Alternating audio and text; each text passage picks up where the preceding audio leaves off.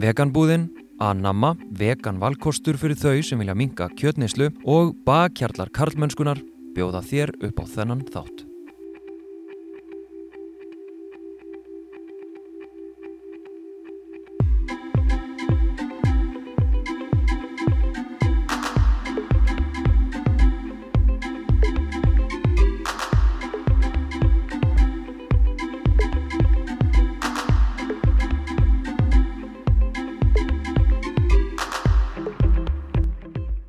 Sankvæmt lögum er bannað að kaupa vændi á Íslandi. Engu að síður er talið að velta íslenska vændis yðnaðarins hlaupi á mörg hundruð miljónum á ári sangkvæmt fréttablaðinu um greiningu Eurostat, tölfræðistofnunar Europasambatsins. Undanfarið hefur aðeins heist í seljendum kynlífsþjónustu, mest þá seljendum kynferðislegs efnis á netinu og afar fáir þólendur vændis hafa stíðið fram nema Eva Dís Þorðardóttir og naflösar konur í bókinni Venjulegar konur sem kom út síðastliðið sumar. Kaupendur vændis eru hins vegar alveg fjárverandi. Já, utan eins naflös viðmælanda í bókinni Venjulegar konur og kaupendur vændis og kynlífs þjónustu njóta naflindar séu þeir fundnir segir. Það er þingkald er lokað og nöfn þeirra koma hverki fram. Sama er þó ekki að segja um þólendur vændis og kynlífsverkafólk sem verður fyrir ofbeldi í störfum sínum. Það þarf að koma fram undir nafni ætlaða sér að kæra brot gegn sér. Kaupendur eru duldir og í raun fjárverandi í umræðu um vændi og kynlífsverkafólk.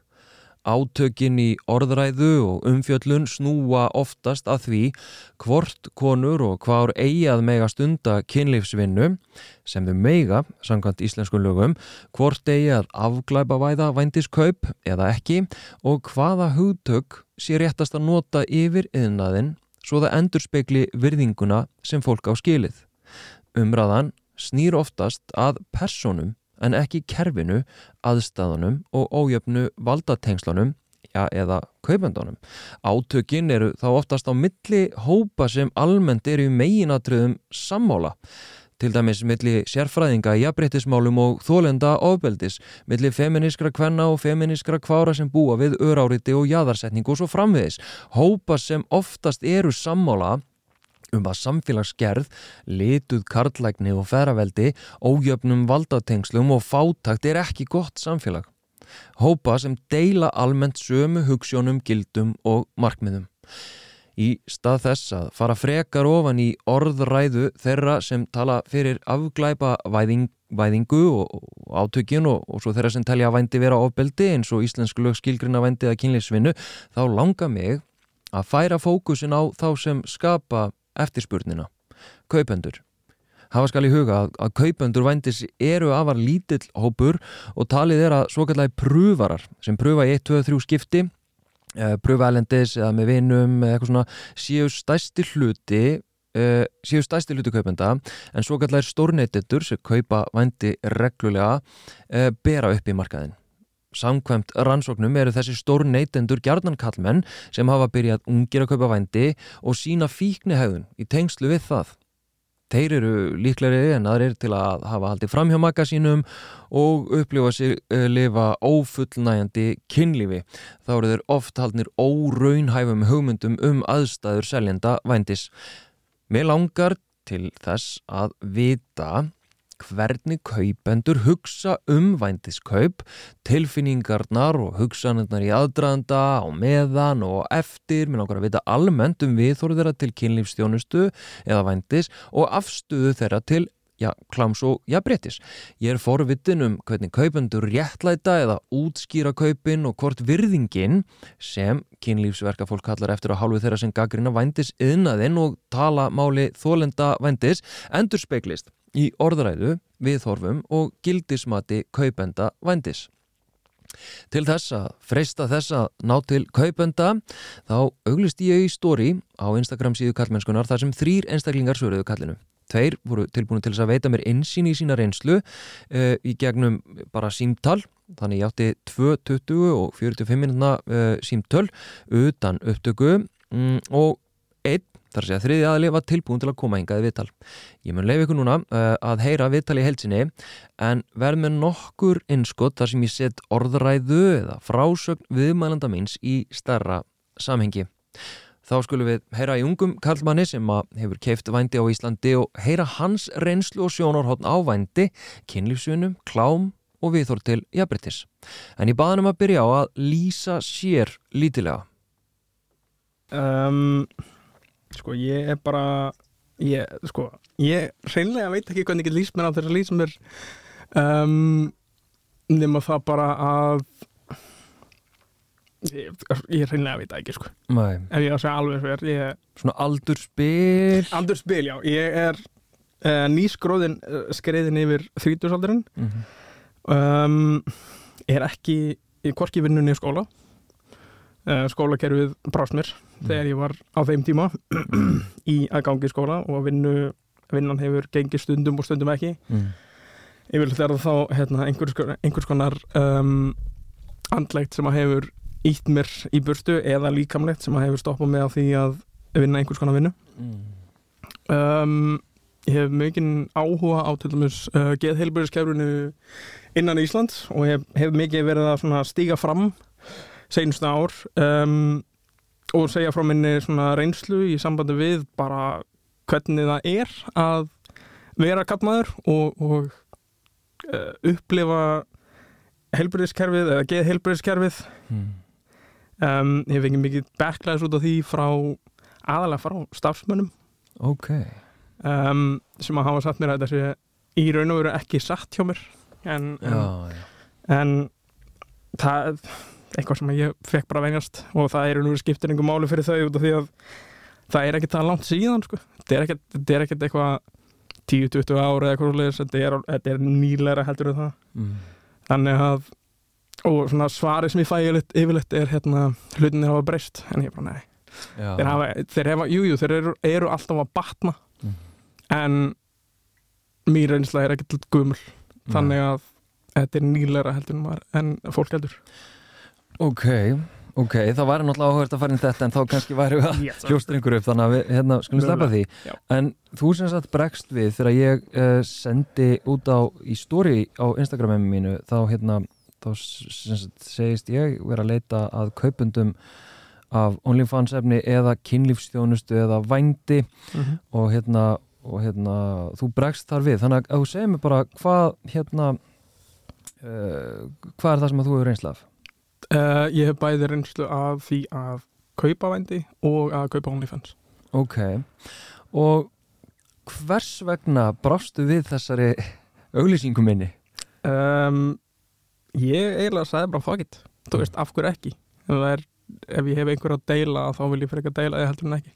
Ok, og hérna, þú veist, og hvernig, hvernig er þessi reynsla? Hvernig, um, sko, OnlyFans er það er hérna ég, það er aðteklisvert um, ég persónulega kýs að uh, kaupa með þjónustu bara frá, eða aðalega frá Íslandingum bara upp á þá, ei, ég veit ekki þetta er svona, tilfinningin er það að eins og maður sé að fór svona leind snöpp þú veist, eitthvað sem að vinindi maður ekki sjá og þetta er eitthvað svona leind uh, fyrir aftan þetta ekki það að ég líka persónulega vil bara stiðja Íslandinga fyrir frekar heldur en einhverja erlenda því ég veit að þú veist það er einhverja miljónir sem að eru þar. Um, og það er svona aðal ástæðan, þetta er ekkit svona þetta er ekki eitthvað svona kynfyrirslegt örfun fyrir mig þannig séð heldur er þetta meira bara svona akkurat að vera partuna einhver svona private snap Mm. Snapchat apparati þannig að ég myndi fá svona ekki, snöpp svona á og til Ok, hvað hérna, og þú er líka reynsla af, af því hvað það er að kaupa vændi? Já. ég hef gert það einu eða tveir ár Einu svona tvisvar, Já. ok, og af hverju var það? um, þessu alveg svo er þá hérna er ég og félagið minn eða félagið minn hérna okkur langaði alltaf að fara í þrísum. Mm. og það var pínu svona um, lofar á milli okkar að við ætlum að gera einhvern tímann. Og ef það væri með einhverjum að vera með þú veist, hvora öðrum og síðan einhverjur um, þannig að við vorum fullir eitt kvöldið og ákveðum að láta reyna það. Mm. og hérna fórum inn á einhverja síðu fundum eitthvað númer sko, ferðli sjálft er rosalega sketchy.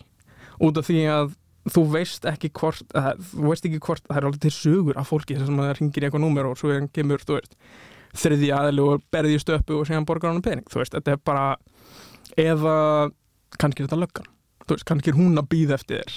Þannig þetta er rosalega erfitt svona að treysta ókunnum og sérstaklega um, fá hennan ókunna í heimahús að þá veit manniskan hvar þú ert heima. Mm -hmm. þannig að þetta er, já, þetta er rosalega svona maður verður pínu að treysta einhverju sem maður þekkir ekki neitt. Mm. og vonast eftir því að vera lenda ekki í líði Já, um, já, þú segir einu stundi til tvisvar er Já. ekki þú væntalega veist munin hvort það er einu stundi eða tvisvar? Já það er, það er einu sinni Ok, það er, ég hef um, svona pínu verið að sagt, skoða bara í kringum mig. Og eins og ég segi það er ákveðina síður sem að maður getur fengið upplýsingar um um, það fólk sem er á landinu.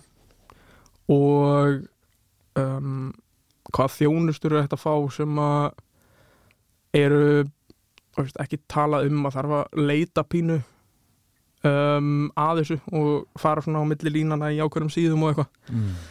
um, síðan er einhverja nuttjónustur eitthvað fleira sem eru líka já, já, já. það er svo tvisvar, til tvísvari aðal upp á það að, að hérna, þetta er alltaf í bak við eira á mér þessi þjónusta, þessi hlutur Mm.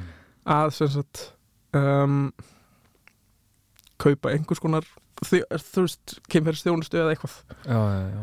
um, hvort sem að er akkurat eins og segi í, í kynlífi eða, eða nutti eða einhverju sem enda með einhverju Mm um, Þannig að þú og vinuðin sem sagt gerir þetta saman og, Já. og hérna ringi ég eitthvað númer og þar kemur hérna einhver kona Mhm. til ykkar og sko, og þið voru fullir Jep. uh, en minna manstu, þú veist, hvernig þeir leið fyrir þetta og meðan og, og svo Ó, já. Þetta er, Já. alveg, þetta, er ekki, þetta er ekki svona blackout fulla, þetta er meira bara svona á að byrja að renna á okkur þegar hún kom. Um, ég, Þú veist, ég var mjög stressaður fyrir þetta alveg rosalega uh, og meðan og eftir á var ég pínu svona pínu fegin að þetta hafi ekki sagt, þetta var bara stelpa eða kona sem mætti og það var ekkert meira.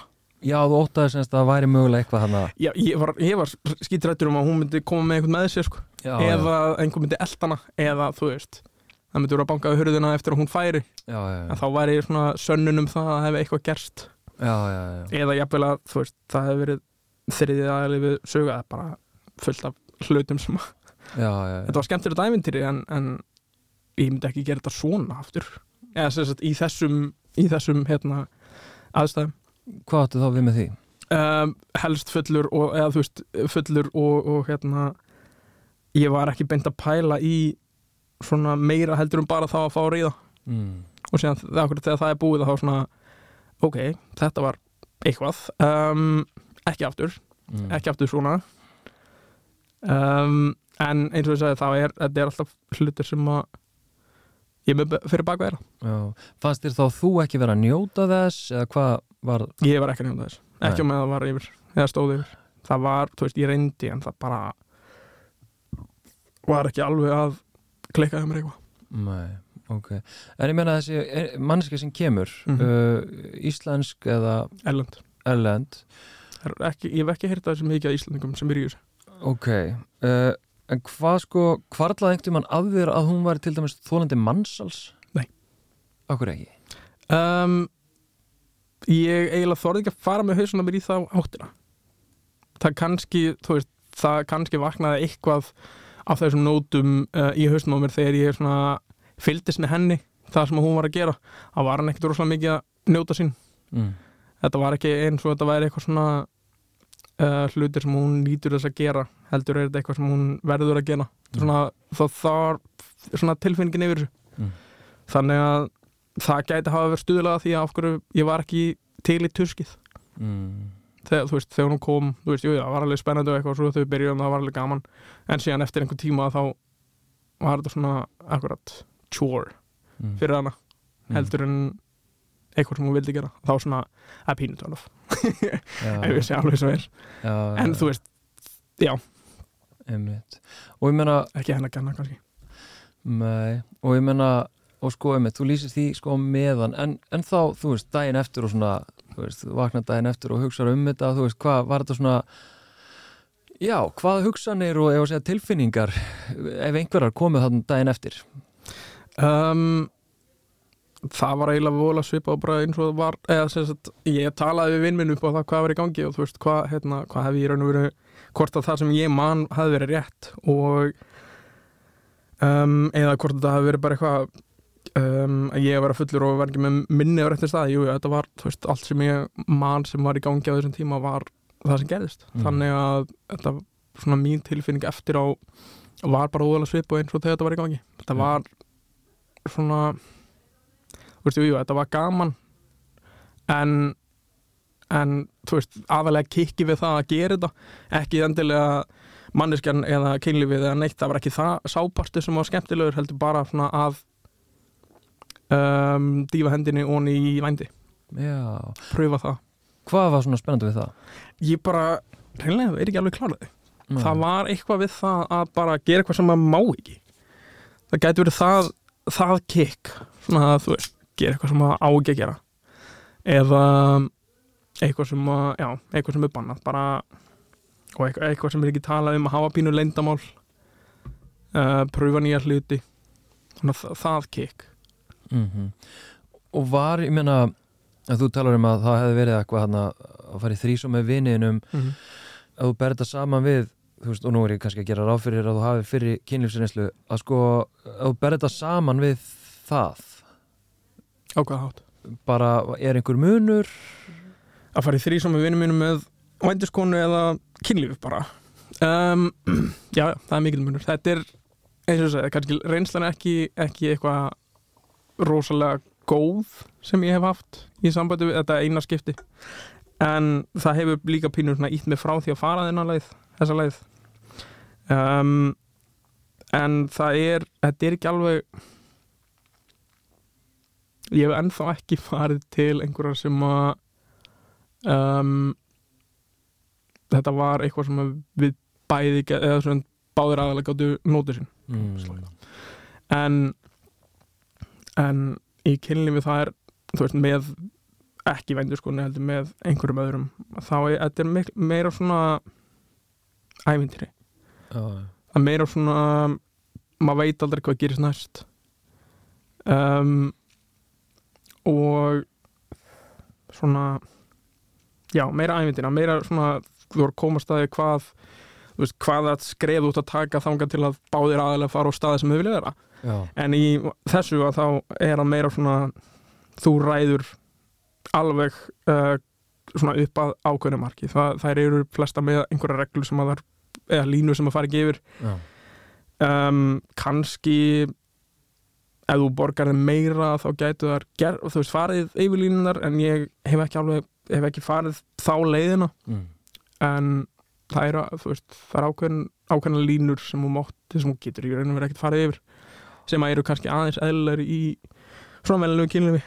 Já en ég meina, í, en í þessum aðstæðum þú veist uh, hérna, einhvern veginn, svona reyna að það upp, þú veist, var ekki eða, þú veist, var eitthvað staðar þar sem að þið voru svona mögulega að gera eitthvað sem að í öðrum aðstæðum þið myndu ekki gera þá er ég að vísa til svona marka og, og, um, og þessum Nei, ég get eiginlega, nei, ég, við fórum ekki í þá áttuna, þetta var aldrei, þetta var, sem sagt, um, eins og þess að ég persónulega bara, uh, mér leiði svo, þetta væri svona um, vinna í, í staðin fyrir eitthvað svona skemmtun, því þú veist, það röss fór mjög snemma af eftir að við vorum byrjuð að gera eitthvað, þannig að þetta var svona það var ég held ég engin mörg sem við fórum þannig sem við fórum yfir sko. Nema kannski það að vera báðir einmitt. Og hún ekki, held ég. En myndur þú gera þetta aftur?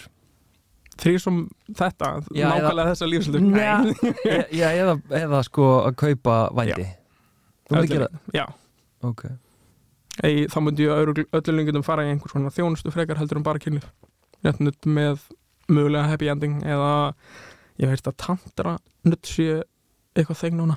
Mm. það sem er sem sagt hún er nakin og ég er mögulega og síðan er einhvers konar að þetta er eitthvað rosalega eitthvað rosalega sexual thing. Já. Og þú í rauninni lætur það ekki, ekki stöðva þig að, að hérna eins og vísar aðan að þetta væri sko ólöglegt. Þar að segja að kaupin eru bönnuð Mhm. á Íslandi og salan sér lefð uh, það er ekkert að hindra þig? Nei, í rauninni ekki. Nei. um, það, það kannski gerir hlutin aðeins meira þannig ég er aðeins meira varkar yfir kaupunum en um, bara með við mína lífsreynslu og að, og yfir það sem er bannað og það sem er ólöglegt og eitthvað að þá er þetta ekkit rosalega ofalega á þeim listar sko. Nei. Hvað, sko, ok en hvað hvað var að segja hvað myndi fæla þig frá því að kaupa þér til dæmis vændi? um, Svo ertu, ertu að meina með einhverja auðlýsingar eða eitthvað svona, einhver svona stikkorð sem að myndu í, í processinu sem að myndu svona, já, þetta er sketchy. Já, eða veist bara í rauninni eins opið og í rauninni gett spurti bara hvað myndi fæla þig frá því? Ok um, Það sem myndu að öllu líktum fæla mig frá væri um, sko ef ég myndi ringja þegar yfirlega þannig að ringiru um, og sem sagt einhver annar, eða þú veist, ég geti ekki ringt að vera pínu svona, að væri svona, ok, þetta er pínu þetta er riski, því ég veit ekki að ég sé að ringja, númerið sem ég er búin að vera að tala við í sambandi við þessu samskipti er ekki að leifa mér að tala við sig þá er ég svona, ok, þetta getur verið eitthvað annað en á að vera Mm. eða einhvað annað en ég er að leitast eftir Mm. um, ég er pínu svona uh, pínu óörugum með það að fara sagt, eitthvað annað en síðan er líka mjög óörugur að fá einhver til mín það var, ég, það var ekki ekki leiðin sem ég myndi fara að fá einhver til mín, það virkar ekki sko. en þetta er sko, allt þetta ferli er rosalega riski það er, þú veist um, ég hef heyrt um að einhverjur sem, sagt, sem hafa keift þessa þjónustu á þessum síður, síðum sem að ég hef hérna uh, leita mér upplýsingar til að þeir hérna veist, þeir merkja í raun og veru merkja stelpunar upp á það að ekki upp á eitthvað svona, þú veist uh, mæl, eða jú, jú, að mæli með og eitthvað svoleiðis og síðan er svona reviews og eitthvað að fara á milli, en þeir merkja líka upp á það ef þetta er eitthvað sketchy. Vitu, eru, við ég náðu að skjála, eru, eru síður á netinu eða spjall á netinu? það er síður hættinu Það eru síður á netinu? Yes. Íslenska síður? Nei, Nei, nei, nei. En um konur á Íslandi? Já. Já, ok. mm Já, já. Og byrju, hvað, er, er þetta eitthvað sem, ég næ ekki alveg utan um þetta. Þetta eru, þetta eru þá segir útlenska konur, útlenskt spjall, uh, já út af því að svona spjall er óleifilegt á Íslandi ok, og og, ef vefsíðan hefur einhvers konar um, byrja, þú veist, er útsend frá Íslandi þá er lokað hana já, ok, en, en það eru semst mest megnast á Íslendingar þarna inni að spjalla saman? Já. Eða kannski bara engöngu? Íslandingar og útlendingar ef þeir sem sagt, er að leita einhvers konar þjónustíðan á Íslandi en Einmitt. þetta er aðalega um Ísland Ok, og ég meina, og hvernig samtala á sér stað þarna? það er bara fólk að spurja um um, posta þá yfirleitt linkum af um, það er aðalega að, að, annari síðu sem er svona það er úrvalið Já, já. og hérna já, posta einhvers konar linkum og spurja sagt hvort einhver hafi reynslu af þessum aðila og síðan svara aðrir hvort þeir hafa reynslu eða ekki Mm. og síðan deila þeir sagt sinni reynslu hvort þeir mæla með eða mæla ekki með Mm. og svona lýsa kannski aðeins þú veist, hvort að hún hafi áhuga á meðan þessu stóði yfir eða hvort að hún hafi ekki áhuga hvort hún, þú veist á prófælum stendur hvort hún talar ennsku og eitthvað og síðan geta þeir ka- kannski sagt að hún talar mjög illa ennsku Einmitt. svona, þú veist það er að pí, segja pínu guidelines og akkurat sumir eru svona, já, þú veist passa ykkur á þessari út af því að þú veist gaur, gæin sem að fór að hitta hana að labba í kringum húsi á þess að löggubíl Mm. þannig að þetta er svona já, þeir sem að leita sér þess að þjónustu þeir eru ekkert að, að lappin bara því bara og síðan, þú veist eru bara með svona tunnel vision þeir pæla aðeins í kringu sig af því að þetta er ólulegt þannig að þú þarft að, að tæja þessu auka skref.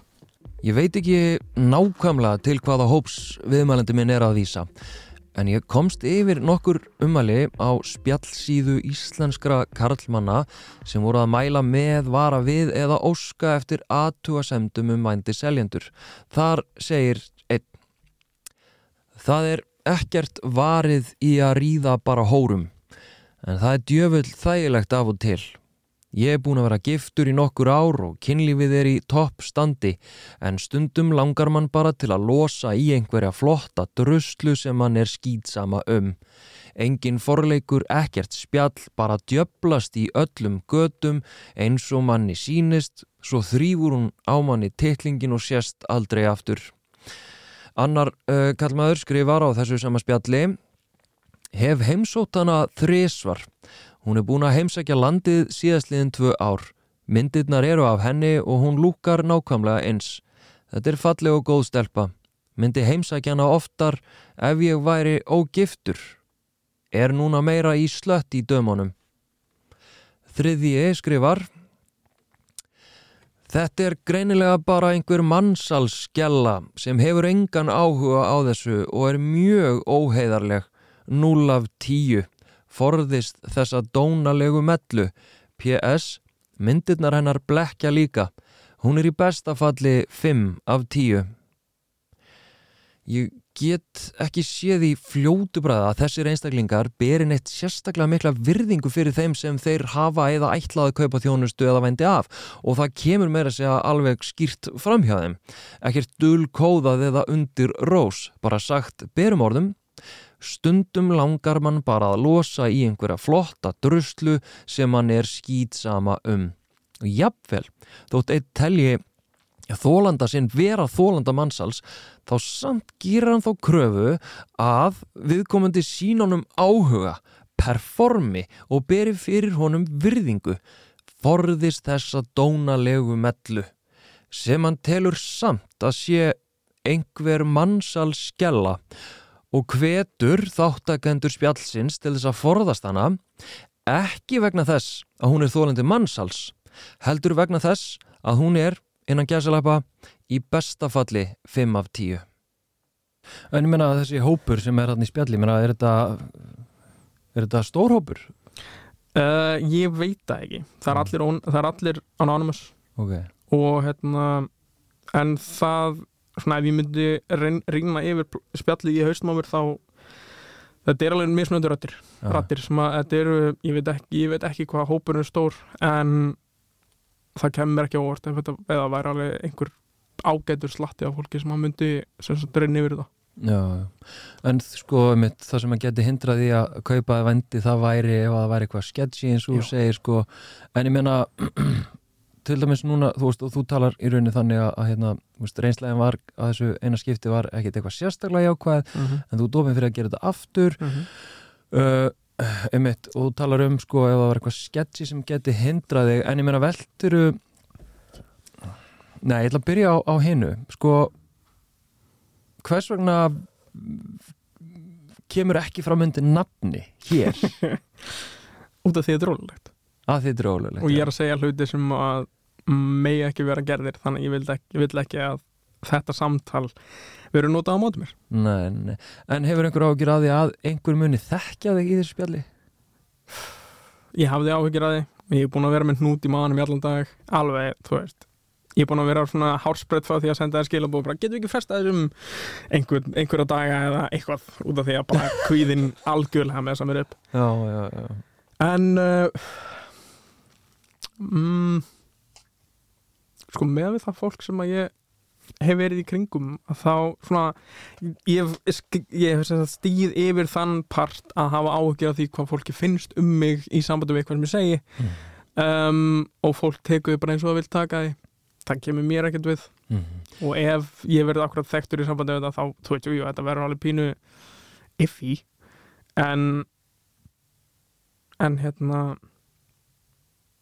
já, ég hef ekki hugsað neitt lengur heldur það, Nei. bara þú veist En ég meina, þú veist þitt, fyrsta, skipti er með viniðinum mm -hmm. hvað með aðra vini og svona fólki í kringum þig er, er það kannski þú veist, er þetta svona bara þeng sem að þið gerið og talið ofinskátt um? um, fer eftir hvað þú gerir þetta upp að, veist, upp að þessu marki það er heit, heit sem ég þekki sem að hefur verið mjög, mjög virkur í þessu og hérna svona upp að þeim upp að þeim hérna mörgum að þetta hefur eh, komið út eins og þessi pínu vandamál Mm. en um, þú veist, þegar þetta er komið yfir eins og ég segi, þegar þetta er komið yfir ákveðu mörg þá er þetta pínu þá er ekki fólk beint að tala um þetta komið, veist og þá er ég ekki að tala um, veist, sinni tvisar í mánu ég er að tala um, sinni tvisar í viku Mm. kannski á milli vina eða, eða, eða þú veist, við tölum ekki um myndi fjölskyldi það, það gerist ekki, en þú veist, á milli vina það er alltaf Mm. hérna, spjall sem við tala um þar, en þú veist, þetta er þetta er kannski pínu svona um, ekki opinskátt talað um en þetta er á sama tíma ekkert kannski til að vera skamma sín fyrir þetta er ekki eitthvað sem að um, þú ættir að fela Mm. eða þú veist, á milli vina allavega Mm. og En hugsaðu, þú veist, að ég spurði á hann hvort að þú hugsaður um hvort að þetta hefur þólandi mannsals og hérna og svo talar um svona hluti sem að myndu fælaði frá og þú myndir, ég ætla að lesa með línina og myndir hugsa, já, herru, þetta er nú kannski ekki hérna, eitthvað neina skilagt eða eitthvað svona. Eitthvað hættulega aðstæður þá hérna, fyrir þig og ég lést á milli línuna mögulega einhver annarkort tálbeita eða mögulega einstaklingur sem er, er þólandi eða kona sem er þólandi mannsals en, en veldur eitthvað fyrir þér að því að nú ertu eins og ég skynja líka að lesa milli línana kannski að þú ert að skoða þarna spjall það sem er verið að tala um já, vændiskonur og, og hérna þú sko veldur eitthvað fyrir aðstæðin þessara kvenna, hvort að þetta sé þú veist, ef að segja eitthvað sem að þær vilja og velja að fúsum og frjálsum vilja um, eitthvað í þáttina eða er það irrelevant?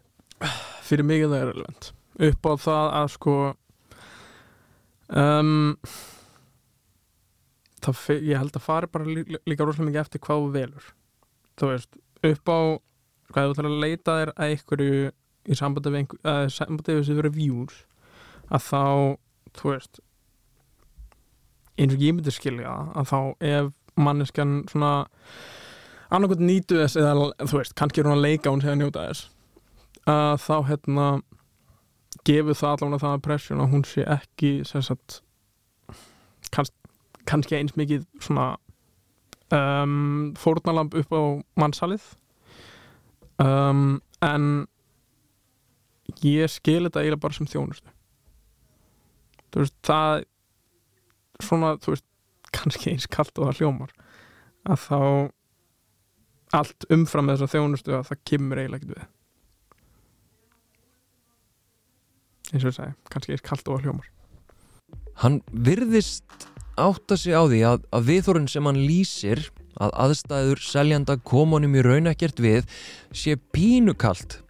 En pínukalt finnst mér í raun vægt til orðatekið. Og ég er alls ekki að segja að viðmælandi minn sé illa einrættur og illa meinandi en til að horfa svona mannesku þá þarf það af mennskana. Hún skiptir því ekki máli. Hún er bara þjónusta sem þú átt rétt á. Hún er hlutur sem þú kaupir til að nota. Og hér er ég ekki að ávarpa kynlífsverka fólk sem vil stunda sína vinnu og halda viðingu sinni.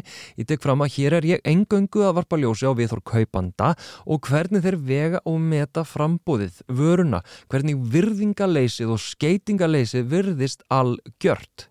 Skiptir það kaupendur vændis engu máli hvort seljandi séðna á allt öðrum forsendum heldur en kaupandin telur sér trú um. Það er að seljandin vilji þetta, hafi gaman, njóti og fíli aðtöfnunar. Skiptir það kaupanda engum máli hvort afleðingar að þessum aðtöfnum geti verið vannlíðan, sjálfsvísugsanir, félagslega einangrun, skömm og sjálfsfyrirlitning eins og þólendur vendis hafa líst. Eða er tilkallið til að fá þá þjónustu innan gæðsalapa að ríða einhverju hóru og flottri druslu öllu yfirsterkara. Um, en að því þú tala líka um OnlyFans mm -hmm. uh, þá kannski svona já, tengti ég að minna hvað horfur þið mikið á klám ég myndi segja það, já já, og og, og, og hvað, þú veist, hvað finnst þér um klám og klám, ef við segja neysluða nótkun um, hvað finnst mér um það? mm. Ég meina að þú veist, klám hefur mikið aukist í hann að neti byrjaði Já, það er miklu meira persónulegt heldur en það var, mm. held ég allavega. Um, og upp á það að þú, þú veist, þú þarft ekki að fara út úr húsi til að, til að nálgast það. Um, það er meira bara komið, þetta er bókstæra að komið í lóanaður mm. þú veist. Þú getur komist að þessu hvar sem er. Og í raun og veru hvaða aldrei sem er sem að er pínu sko, ég veit ekki hvort það sé kostur eða galli upp á það að sko, eina sem þú þarfst að gera er að íta á já, ég er yfir átjónuna Mm. það er engin, það er engin, þú veist það er eini hluturinn og sem úlingur um, að þá er það rosalega auðvelt að segja já, ég er yfir átjónuna Mm. þegar þú ert ekki yfir átjónuna Mm.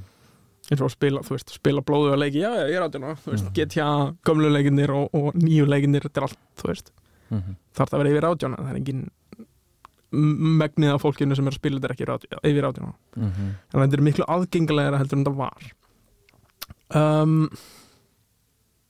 Nú er ég bara að blanka á spurningunni Já, ég er svona veltað fyrir mig hvað þið finnst um það en ég ætla, ég ætla að orða þetta kannski að þessu öðruvísi ég meina, þú ert uh, hérna, aðeins yngri en ég hérna, rekna ég út einhvern veginn og, og hérna þú veist að því að nú, nú vitum við að þú veist, bara klám yðnaðurinn, hann hérna þú veist já, út frá því hvernig ég skil þetta að þá var klám yðnaðurinn á einhvern hátt, þú veist, að framlega ákveðið efni mm svo einhvern veginn bara mitt kemur netið og, og þá einhvern veginn breytist klámið, það verður bæði meira af því, það verður aðgengilegra það verður alveg pottitt fleiri að framleiða það. Og miklu meira aggressíft og akkurat, það leitast við held ég alltaf og ég hérna fór eins og á, á svona feministka ráðstöfn og þá var einmitt verið að lýsa í hvernig yðnaðurinn sjálfur leitast alltaf við að gera hérna að við vera á, á, á skrensunni sko með Mhm. það sem að má og má ekki Já. og þá vísaði til bara hv- hv- hvers konar hérna,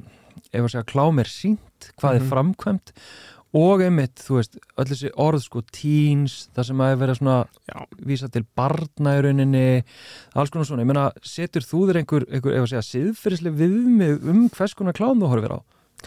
um, Já, það er ákveðna línur sem ég fer ekki yfir Ok, um, En í sambandi við teens til dæmis, þú veist, það það er svo skrítið að, sko, að merkja klám eftir af því að þú veist, það eru eftir 18 ára að þá er svona 18 og 19 þetta eru einu teen sem eru eftir. Að, þú veist, undir það áttu komin í ólulega hluti um, þannig að þú veist, það er, ja, mjög það er mjög hérna það branding finnst mér það mjög skrítið. Um, ég blankaði aftur á spurningunni fyrir ekki. Já, nei bara, þú veist, hefur einhver, þú veist, ég meina, er eitthvað efni sem að, já, efni eða síður sem að þú ferð ekki á vegna þess að það er eitthvað ákveð prinsip eða að því þetta er í bóði að þá finnst þér allt í lagi að sjá það, horfa það og leita því? Um, það er ákveðna síður sem ég, það er, ák, er ákveðna línur sem ég fer ekki yfir. Okay. uh, upp á það að þetta sé komið við eitthvað svona uh, ólulegt sem sagt, þú veist, nöðgun eða um, eitthvað af þeim nótunum þar sem að hinn aðeilin upplifir eitthvað sem hún vill ekki eða eitthvað og það er samt haldið árum það er pínu, það er ekkit rosalega sexy sko. Bara honestly, það er, þú veist ef, þú, ef maður er að horfa á myndband, eða ég, ég er að horfa á myndband og þetta fer yfir þá línu þá er svona, nei, nei, ég, þú veist það er ekkit rosalega þetta er ekki aðlæðandi, þetta er ekki kynasönd þetta er ekki eitthvað sem ég myndi kjósa. Þannig ég er bara svona, já, nei ég fer ekki þessa leið á þessu En hvernig veistu að, að ekki séum, segja, þvinguna, nöðguna ræða? um, það er veru veit ég ekki Nei. út af því að það, þú veist, í klámið það er hægt að edita svo mikið út og það hefur verið skandal það var skandal sem að koma út um, það var einhver ákveðin síða sem að var að sagt, það var eitthvað slúður, það var eitthvað gossip um það á meðan það var yfir en hérna það var aldrei svona staðfest. Og síðan kom eitthvað dómsmál þar sem að sagt, það var einhver sem að var að lögsækja uh, framleiðenduna. Og þá kom meira og meiri fram að sagt, þær stelpur sem voru að taka þátt í þessu þær voru bara það verið, þú veist, á milli taka það var bara að vera að skoplega á kókaðinni og þær voru bara hálf sofandi yfir, yfir þessu öllu og svona ekki alveg með meðvitund Mm. þannig að svona um leið og þetta kemur fram að þá svona, þú veist þetta missir allt appeal og gerir það Æ, þetta er bara svona, ég fæ ekki góða tilfinningu fyrir því, mm. þú veist Mm. En þú horfið samt á klám ég horfa á klám, já en ekki það klám sem að akkurat lítur út fyrir að vera um, svona ekki það sem báðir aðilar vilja. Já, já, einmitt. Þótt að sé erfitt að sjá það út af því að það er þetta eitt þetta, þú veist, allt. Já, einmitt. Þú sagðir að, að með OnlyFans þá hérna leitastu við að uh, þú veist, sækir sækir að, hérna, sækir í íslenskt efni. Já. uh, og þú ef ég mann rétt þá notaður orðið sko að þú vildir í rauninni styrkja þann bransa vegna þess að útlenskar síður að þar væru, þú veist, það væru miljónir þar og mm. -hmm. svona, þannig tólka eins og það væri svona góðgerastar sem ég Já, en samt þannig að ég er að fá það góður í Já, já, já, þannig að þú myndir ekki hérna, já, herru, þessi hérna er OnlyFans, herru, ég ætla bara að milli fara á hana og hérna bara stiðja hana stiðja hana áfram í þessu, þú myndir ekki hugsa það þannig? Svo sem, jú, jú. En samt á sama tíma þá er þetta síða það sem að það er yfirleitt postað eitthvað, það er yfirleitt látið eitthvað fram. Mm þannig að, þú veist, ég hef alveg stutt sagt Íslandinga í um, eða verið að stríma eða eitthvað svoleiðis að bara svona, þú veist, milli fara inn á pening og bara svona, þú standaði vel, halda áfram að, þú veist mm. gera sem þetta gera og fengi ekkert á móti og er Já. bara svona, Já. já, mér líður bara betur með Mm. það en ekki samt í OnlyFans Nei, einmitt En hvað, svona side point kannski en kannski ekki, sko nú ert þú að fylgja kallmennskunni á Instagram, er ekki rétt? Jú. Sko, hvar, og eða hvernig staðsetur þú þig í jafnbreytsmálum? Úf, stóra spurningar. Um, Ég vissi ég átt að koma undirbúið fyrir þetta. Nei, ég vil fá þetta rátt, sko. Ég ég vil ekki að þú sést búin að eitthvað, já, já, ég hérna, kom einhverja kenningar og eitthvað, ég, Já, bara, nei, nei. ég vil fá þetta bara rátt Sko, ég, hérna Hvar staðið setjum við í svona Sko, ég vegna er þetta að fylgja til dæmis kallmennskunni? Mm, Þú fórst á topic á tímabölu eða svona fyrir einhverju tíma þar sem að snerti sem sagt uh, geð heilbreiðis barátu kallmanna í, í hérna, umhver, nei, í hérna, samfélaginu Mm. og það komu punktar sko, ég, sko, ég held að fyrsti pósturinn sem þú postaðir inni var, hann tryggjaði mig alveg svakalega það að veist það var svona toxic masculinity eitthvað og ég bara mother, Já, var alveg brjálæður Já. en síðan í staðin fyrir að skrifa eitthvað brjálæður á móti að þá tók ég aðeins frá þessu pústaði mig aðeins niður og horfði ég þetta aftur. Og fór aðeins að í staðin fyrir að koma aggressivt á málinu að fór ég aðeins að hugsa og lesa mig aðeins til um hvað flokkastundi það að vera toxic masculinity. Mm. og þá svona skildi ég punktin aðeins betur. Já, já. Já Í staðan fyrir að að taka þetta svona rosalega móðgandi já, svona, þetta er kannski þetta er kannski ástæðan, þetta er kannski akkurat það sem er að tala um. Já. um, það er svona, ég, það er svona ástæðan okkur ég byrjaði að fylgjast með það síðan þú veist, það var komið ákveðinu póla sem ég hef kannski ekki alveg bynd verið sammála. Mm en samt, þú veist langar að fræðast meirum út af því að þótti sér ekki sammálaði þá langar mér samt að skilja það. Já, já, já, einmitt. En hérna, þannig að ef ég tólka það sem þú ert að segja, þú myndir ekki segja að þú erir feministi? Nei. Nei. Ég bara, ég, ég get það ekki. Fyrir mig get ég það ekki. Upp á því að það, það sem ég hef lesið mig til og komið stað í sambandi við feministka feminista aðalega þá eru þess að háværu feminista sem að öskra heitólmenn og allt það pakka, ég nenni ekki þeim pakka. Mm. og mér finnst að sem sagt, feministi svo stefna hafi vínu verið svertuð af fólki eins og þannig. Mm. þannig að ég svona er ekki alveg ég hef, ég líka að gera það samkvæmt bara sjálfur mér að stuða fólki kringum mig. Já, já, upp á það að sko að hérna, eins og ég skilða að þá er feministi sem sagt eitthvað sem að vill jafnbreytti samfélaginu út frá sagt kvenkins um, leiðinni hinum, já, þeirri átt Mm. eins og ég skilða Mm og eins og ég hef hérna aðeins komist að. Ég, mér finnst, þú veist, ég stið jafnbreytti upp á það að þú veist, mér finnst að kynnin að vera í- eh, jöfn í samfélaginu mm. og hafa rétt á öllu í bá, þú veist, ég er á báðum áttum Mm. það er ákveðin hluti sem að ég veit að kallar hafa yfir konur í samfélaginu sem á ekki að vera og ætti ekki að vera og ætti að upprætta út af því að þetta ætti að vera allt jæft Mm. og mér veist að fara í hinn áttinu líka að konur hafa ákveðin réttindi sem að kallar hafa ekki á mm, eins og hvað, eða, hvar hallar á kalla myndur segja um, forrætti barna til dæmis mm. Það er hluti sem að sem sagt, automatist fer þetta til hvenna eins og ég hef allan að komast að. Um, og það þarf að vera eitthvað mikið eitthvað mikið að sem sagt, einhvers konar eitulífan eða eitthvað svoleiðis þannig að uh, pappin fær meiri rétt heldur en mamman. Mm. og þú veist, ef það kemur ekkert fram uh, þú veist, uh, í raun og veru ef það kemur ekkert fram að sé að öðru konar megin þá er það yfirleitt hallandi að konni sem hún fái sem forræntið viðböðnum en ég myndi segja að, að hérna, þegar teknum voru út í dómar ég held að hafi verið í hérastómi frekar en hæstarétti það sem að var verið að dæma um uh, sem sagt forsjá eða mm -hmm. að, að þar var það 50-50 Já. eh, einhver tíu ár aftur í tíman ok, sem sagt, þannig að allan út frá réttarkerfuna þá verist ekki halla kerfisbundi á feður Er það vísið til einhvers annars?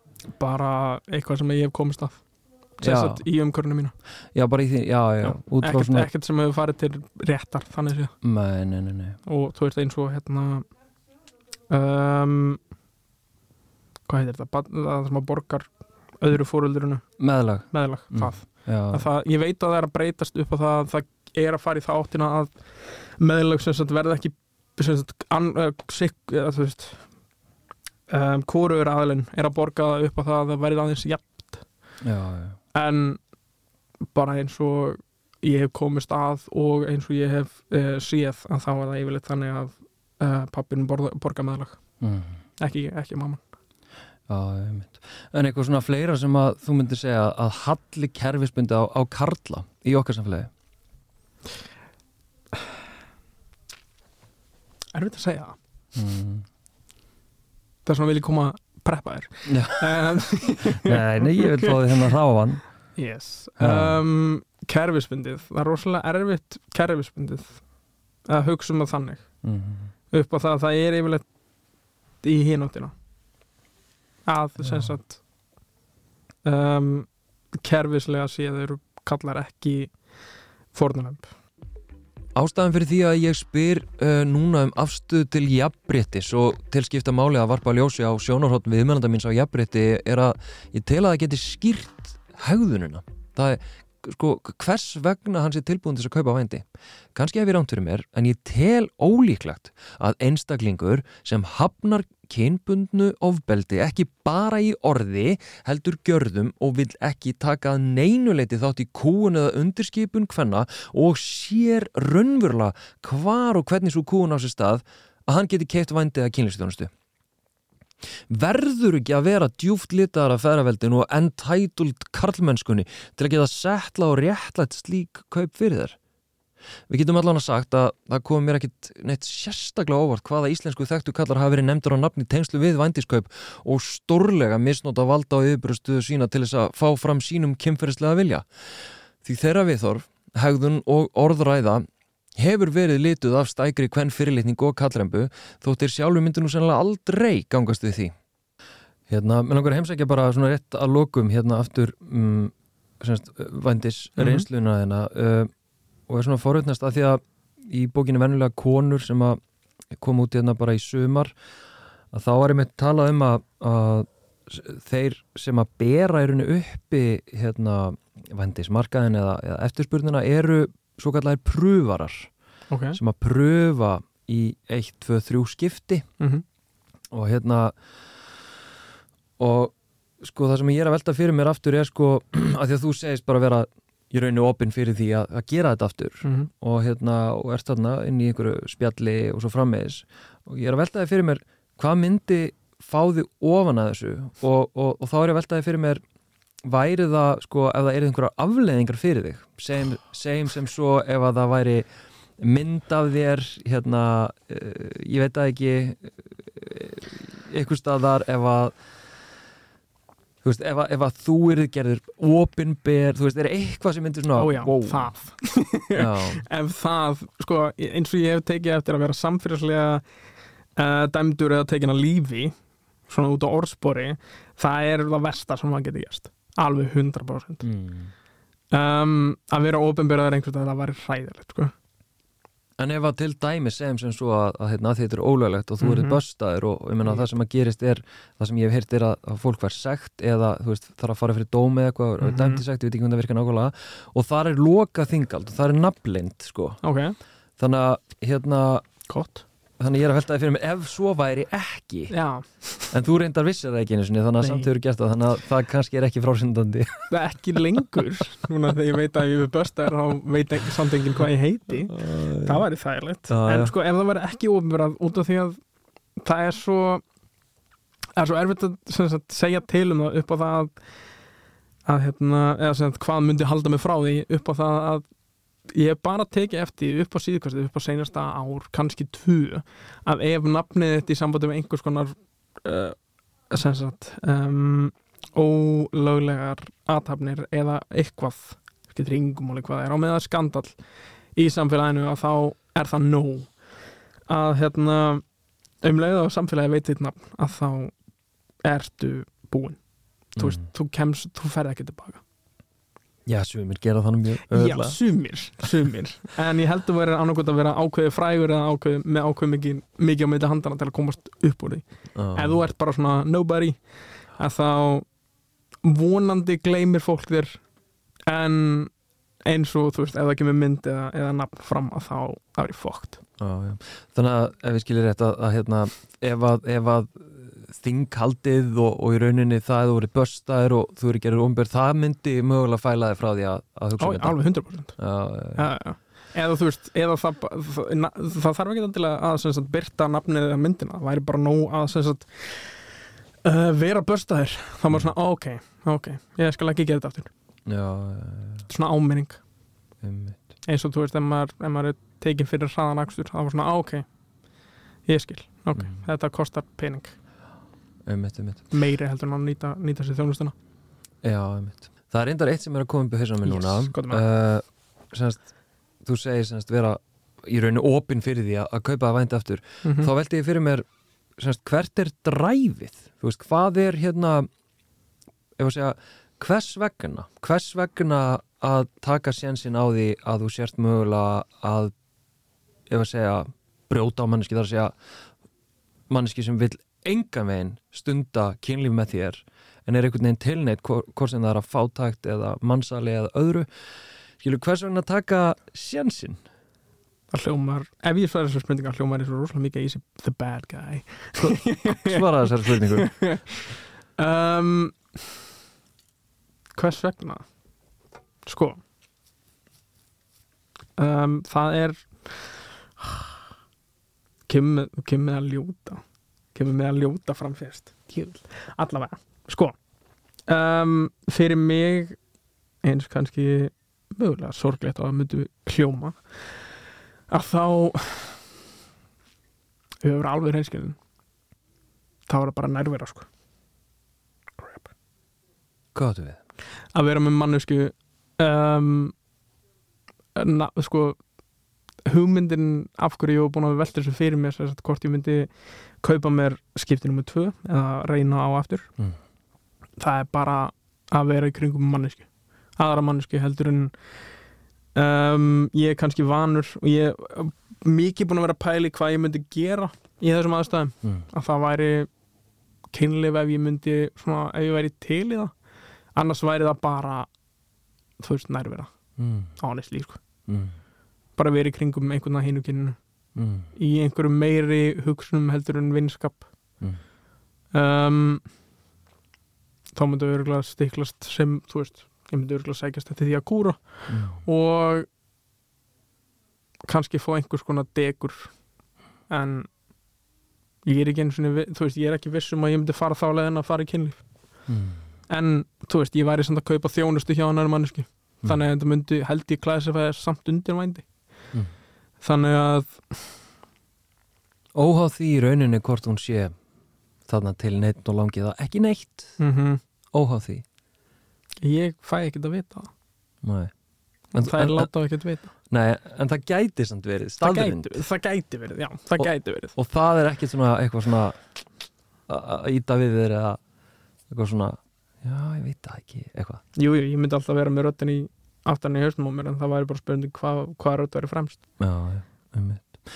En að þú lýsir þessu með nærvöruna eh, getur ekki sótt það sjálfur? Það er svo mikið vesen. Það er svo mikið vesen. Það er svo mikið vesen. Tinder og eitthvað svona? Það Tinder virkar ekki neitt. Nei, fyrir stuma virkar þetta en Tinder er rosalega fyrir fyrir manneskjum svo mig þar sem að um, fyrir, þú veist, ég næ ekki að spjalla við mannesku á netinu. Mm. ég vil mi- miklu fyrir að gera það í persónu og næ miklu betur því. Um, það er bara þessar stefnumóta síður og stefnumóta upp er rosalega sko one-sided. Á þann hátt að sagt, úrvalið hjá uh, sagt, hjá köllum sagt, ef þeirra leitast í konur að þá er úrvalið af konum mjög limited það skiptir raun og vera einhver máli um, þú sem kallmaður inn á svona stefnum út af öppum þá ertu bara annað fiskur sjónum, Mm. það er svo mikið af kallmönnum inn á þessu appi Mm. eða inn á þessum öppum að þetta þú veist, ég hef alveg heyrt af konum sem að hafa fælst frá af því að ef þær til dæmis fara þá að leiðin að læka við alla sem að, sem að hérna, þær geta og meðan því að það er bara ákveði mörg, sem, mörg læk sem þú getur verið með að þá hérna er hérna áreitur svo mikið Já, já. það er bara miklu fleiri eða allavega samkvæmt hérna e- í, í raun og veru geta ekki byggt á neinu skoðunum eða, eða könnunum eða whatever en, en það lítur svona út fyrir það að það séu miklu fleiri kallmenn inn á þessum stefnumóta heldur en konum Mm. og eins og ég sagði, þú ert bara annar fiskur í sjónum Mm. það í raun og veru skiptir voðalega litlu máli hvað þú vilt út af því að feð bara eftir hvað hún vill Mm. Mm. og Ég, ég er svolítið hugsi yfir þessari heimsmynd sem hann lýsir. Uh, hann lýsir því að eiga erfitt með date, það sé offrambóð af körlum og konurnar í raun stjórn í ferðinni. Karlarnir ráði engu.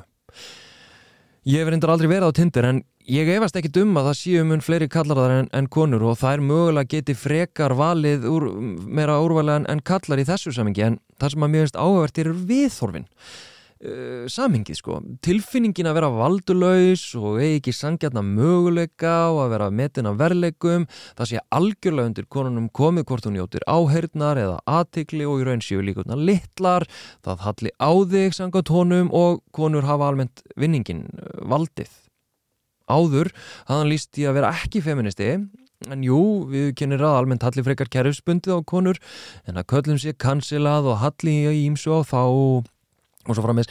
Ég veldi fyrir mér að hver miklu leiti þetta viðhorf í bland við þá upplifun að takmarkaða möguleika á nánum kynum geti útskýrt áhuga og vilja hans ákaupa vendi. En það segir hann í raun sjálfur. En ég meira að pæli viðhornum sem eru undirlíkjandi að það skiptir hann raunverulega ekki máli hvort konan sé að njóta þess að vera með honum þótt hann vilji heldur að hún leiki það eða hvort hún sé þólandi mannsals eða hvort að klámið sé ofbeldi af því að hann gerir tilkall til þjónustunar. Þetta er í bóði.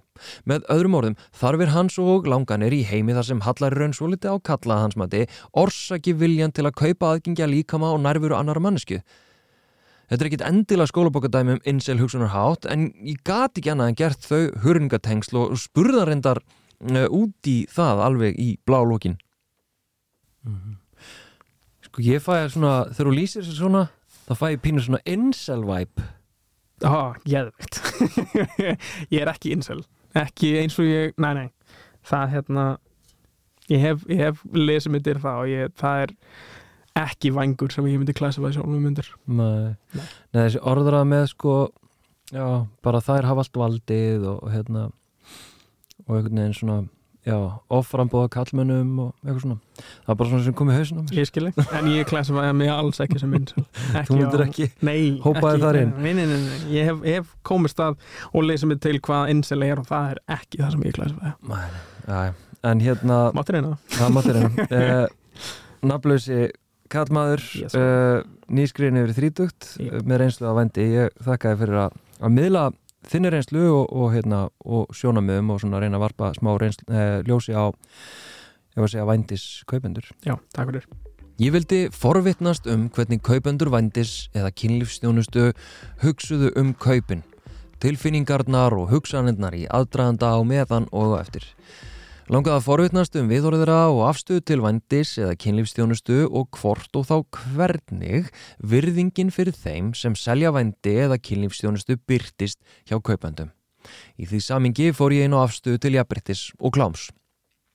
Auðvita get ég ekki alhæft nýja yfirfært eitt viðtal á allan hóp kaupenda en miða við mín samtöl og það sem ég veit nú þegar um kaupendur vændis eða kynlífstjónustu þá tel ég margt sem framkom í máli viðmælanda míns eiga sér samhljó með öðrum kaupendum vændis. Viðþorf þessa eina viðmælanda míns veita því klárlega insýn sem takmarkað frambóð er af. Margt sem viðmælandi minn sagði samrýmist því sem aðri kaupendur vændis hafa sagt og hefur verið dreyið fram í rannsóknum. Til dæmis að kaupin snúast í raun ekkert bara um kynlíf heldur tilkall þeirra til nándar, vinskaps, nærveru eða eitthvað sem þeir telja sig eiga rétt á eða þurfa en fá ekki eða eiga erfitt með að fá annar staðar. En kaupin snúast samt auðvitað alltaf um vald. Þú ert að kaupa þér valdi til að fá það sem þér finnst þú hafa þörf á eða eiga tilkall til. Þú kaupir það hjá annari mannesku í raun algjörlega óháð aðstæðumennar. Enda, eins og einn viðmælandi, eða eins og viðmælandi minn sagði, það er í raun irrelevant hvernig seljandunum líður. Því þú ert að kaupa innan gæsalapa þjónustu. Við verðum að setja þetta í samingi við samfélagið og söguna, valda tengslinn millir kalla og kvenna, stjættaskiptingu, jaðarsetningu, misskiptingu, neyð, neyslu og fátakt. Þessi kaup og sala eru ekki á jöfnum forsendum. Þó ekki nema bara ef við tölum um valdatengsl millir kalla og kvenna. Eftir spurn íslenskra karla, eftir vændi, er svarað að hluta með innflutningi á konum. Innflutningi á konum sem meira segja kaupendur verðast sjá eða telja sig þólendur mannsals en þeim virðist samt drullu sama. Ég segi ekki að svo hranalegt viðhorf þurfi að endur spekla viðhorf allra kaupenda en það sem ég hef séð á samtölum og í umalum kaupenda þá er þessi stæka kvennfyrirlitning ríkjandi og þegar grundir í kvennfyrirlitninguna þú upplifir jafnvel skorta kallmennsku í samanburðu við aðra kalla í þínu samfélagi og sérð hægt er að vinna þau upp allavega í ímyndinni með því að sækja þau mannlegu samskipti sem þú telur þig vanda eða þurfa og langar í með kaupum og auðvitað aðgengi að beskjöldum konum hvað ætti að stoppa þig?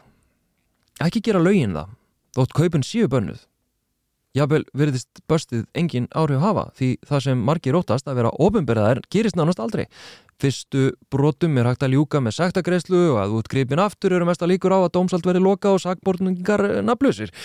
Ég á erfitt með að sjá að neitt annað en meðvituð upplýst og ábyrg afstæða væntanlega ræða núverandi kaupendavændis geti stöðvað eftir spurn og þar með frambóða á vændi. Auðvitað gætu stjórnvöld auðveldað konum, kvárum og köllum sem leiðast út í vændi eða kynlífsvinnu vegna fátaktir að félagsleira stöðu að komast í önnur úrræði. Það myndi, að mínu viti, klárlega takmarka frambóðið, allavega helendis, en með að við hver margir hafa reynslu af innfluttum vændiskonum þá myndi það öruglega ekki stöðva vændisiðnaðin á Íslandi. Valdið er klárlega hjá körlum. Körlum sem upplifa sig og telja sig vera góða menn. Menn sem jafnvel telja sig vera að gera þessum konum greiða með því að vera að kaupa af þeim innan gæsalapa þjónustu. En hversuna þá ekki bara millifara? Þá viltu vera svona góður að hjálpa. Að lókum og ég vil ítrekka að gaggrinin umfjöllum mínum kaupendur beinist ekki að seljendum kynlífs þjónustu eða þeirra sem verða fyrir vændi. Skömmin er ekki þeirra en það er salan sjálf leifð á Íslandi. Það eru kaupin sem eru bönnuð. Ég dæmi því ekki þær konur sem leðast út í vændi eða velja að starfa við kynlífsvinu en ég óttast að undir áhrifum feðraveldis, fátaktar og klámvæðingar virðist þessi braut líta betur út en hún raunverulega gerir. Sérstaklega ef tekið er með af reynslu þólendavændis og afleiðingum þeirra reynslu á líf, lífsgæð og framtíð þeirra hvenna sem hafa losnað úr vændi. Ég vil vera alveg skýr. Með þessum þætti að gaggrinni mín beinist að kaupendum og viðhorfum þeirra til þeirra sem þeir kaupa þjónustu af. Gaggrinni mín beinist að umgjörðinni sem beinlínis gerir kaupendum auðveldara fyrir að fremja glæp, kaupa vændi og því að næra skömmina sem þólendur vændis og kynlífsfólk upplifir. Gaggrinin mín beinist að stjórnveldum fyrir að grýpa ekki kynlífsverka fólk sem verður fyrir ofbeldi eða þeim sem þurfa sögum fjárháslærar eða félagslæra stöðu að vera í vændi eða kynlífs þjónustu. Og mín von er að þeir sem er að velta fyrir sér að kaupa vændi velti fyrir sér hvers vegna að taka sjensin. Hvers vegna að taka sjensin á því að vera misnota þólanda mannsals eða að vera skada manneski til frambúðar hvers vegna að taka sjensin?